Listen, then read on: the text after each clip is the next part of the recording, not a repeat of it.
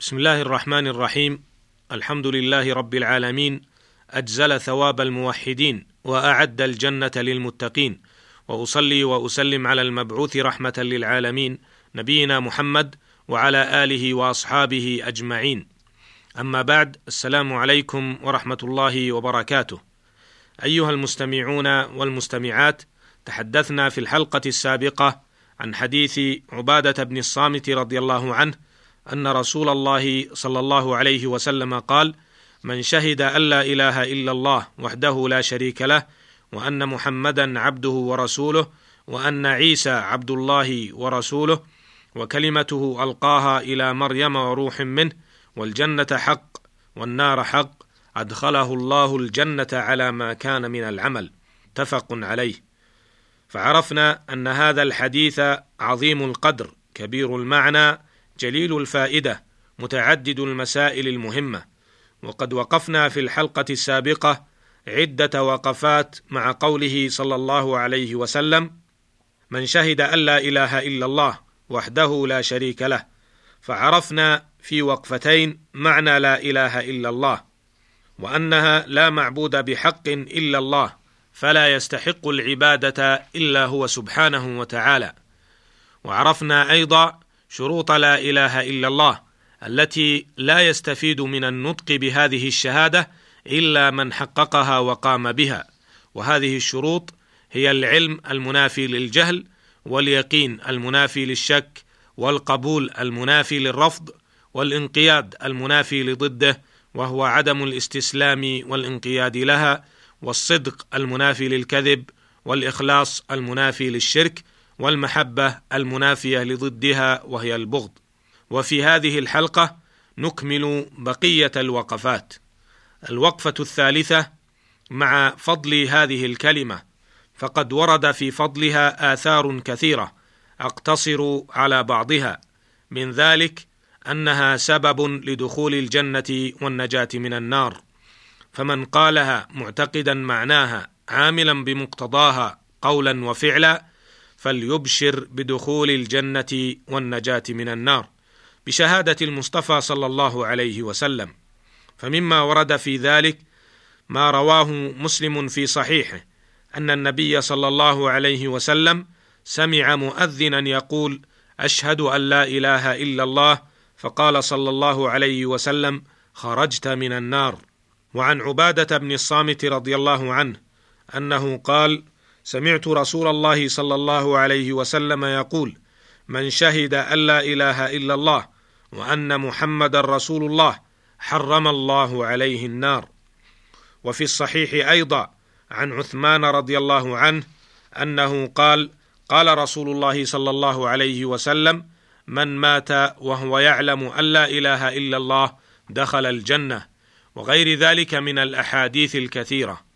ومن فضل لا إله إلا الله أن أهلها هم أسعد الناس بشفاعة النبي صلى الله عليه وسلم يوم القيامة. كما جاء ذلك في الحديث الصحيح عن أبي هريرة رضي الله عنه عن النبي صلى الله عليه وسلم أنه قال أسعد الناس بشفاعتي من قال لا إله إلا الله خالصا من قلبه أو نفسه. ومن فضلها أيضا أنها أفضل ما ذكر الله عز وجل به وهي أثقل شيء في ميزان العبد يوم القيامة. جاء في مسند الإمام أحمد بن حنبل رحمه الله تعالى عن عبد الله بن عمرو رضي الله عنهما عن النبي صلى الله عليه وسلم أنه قال إن موسى عليه الصلاة والسلام قال يا ربي علمني شيئا أذكرك وأدعوك به. قال يا موسى قل لا إله إلا الله. قال موسى يا ربي كل عبادك يقولون هذا. قال يا موسى قل لا إله إلا الله. قال لا إله إلا الله إنما أريد شيئا تخصني به. قال يا موسى لو أن السماوات السبع والارضين السبع وعامرهن غيري في كفة ولا إله إلا الله في كفة مالت بهن لا إله إلا الله. ومن فضلها أيضا أنه لا يحجبها شيء دون الله عز وجل لما أخرجه الإمام الترمذي وغيره عن عبد الله بن عمرو رضي الله عنهما أنه قال لا إله إلا الله ليس لها دون الله حجاب حتى تصل إليه وروى الترمذي أيضا عن أبي هريرة رضي الله عنه عن النبي صلى الله عليه وسلم أنه قال ما من عبد قال لا إله إلا الله مخلصا إلا فتحت لها أبواب السماء حتى تفضي إلى العرش. ومن فضلها أيضا أنها أمان من وحشة القبور والحشر والنشور. روى الإمام أحمد في مسنده. روى الإمام أحمد في مسنده عن النبي صلى الله عليه وسلم أنه قال ليس على أهل لا إله إلا الله وحشة في قبورهم ولا في نشورهم وكأني بأهل لا إله إلا الله وقد قاموا ينفضون التراب عن رؤوسهم يقولون الحمد لله الذي أذهب عنا الحزن. وهي أعلى شعب الإيمان. جاء في الصحيحين عن أبي هريرة رضي الله عنه أنه قال قال رسول الله صلى الله عليه وسلم الإيمان بضع وسبعون وفي رواية بضع وستون شعبة فأفضلها وفي رواية فأعلاها قول لا إله إلا الله وأدناها إماطة الأذى عن الطريق والحياء شعبة من الإيمان.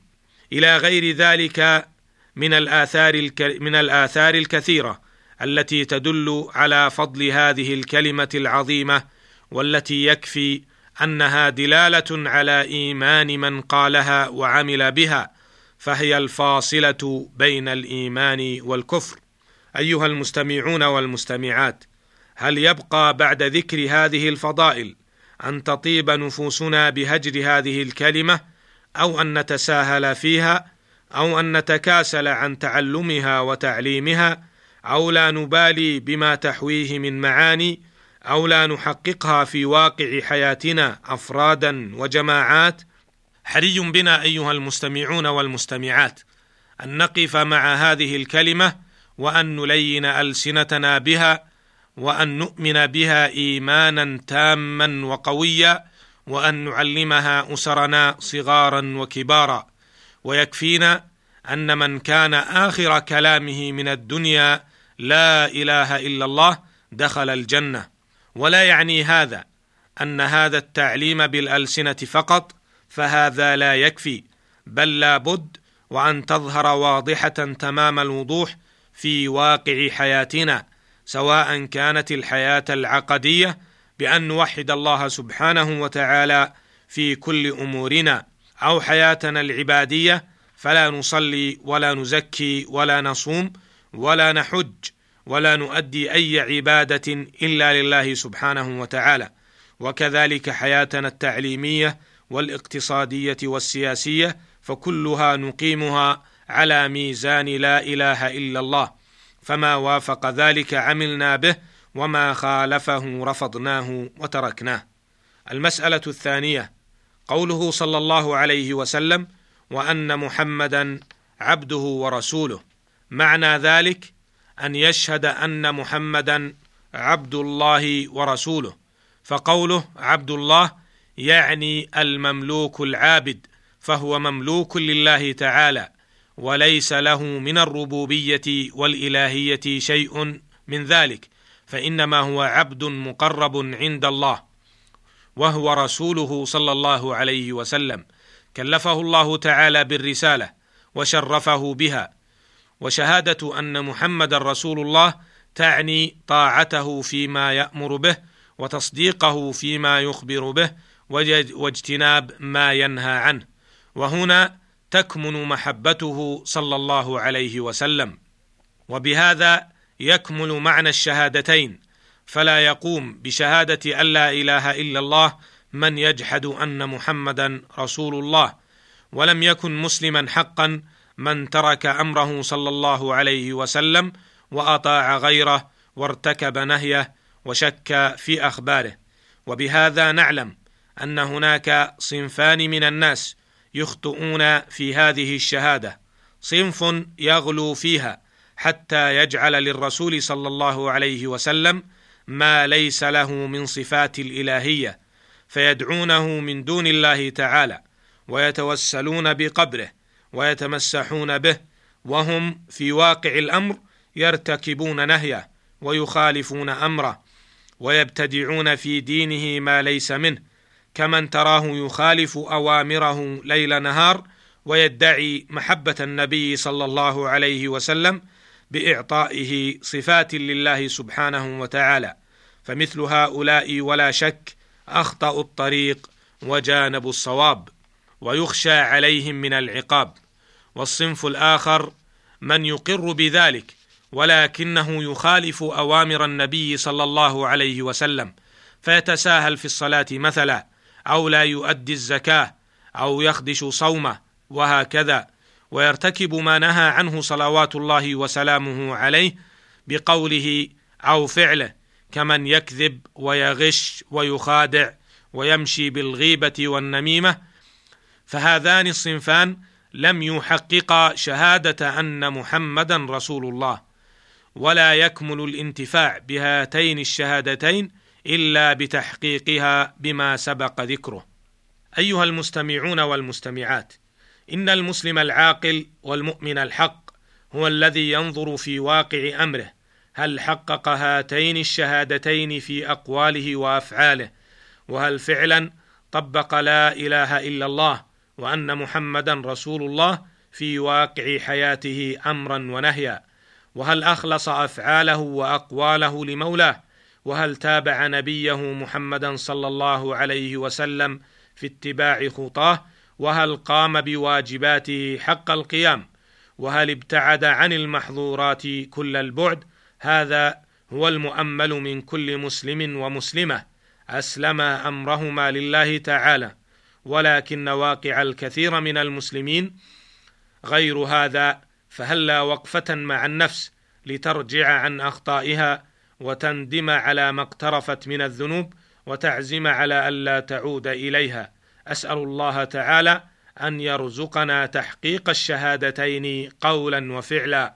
إنه سميع مجيب وهو المستعان. وللحديث بقية. والسلام عليكم ورحمة الله وبركاته.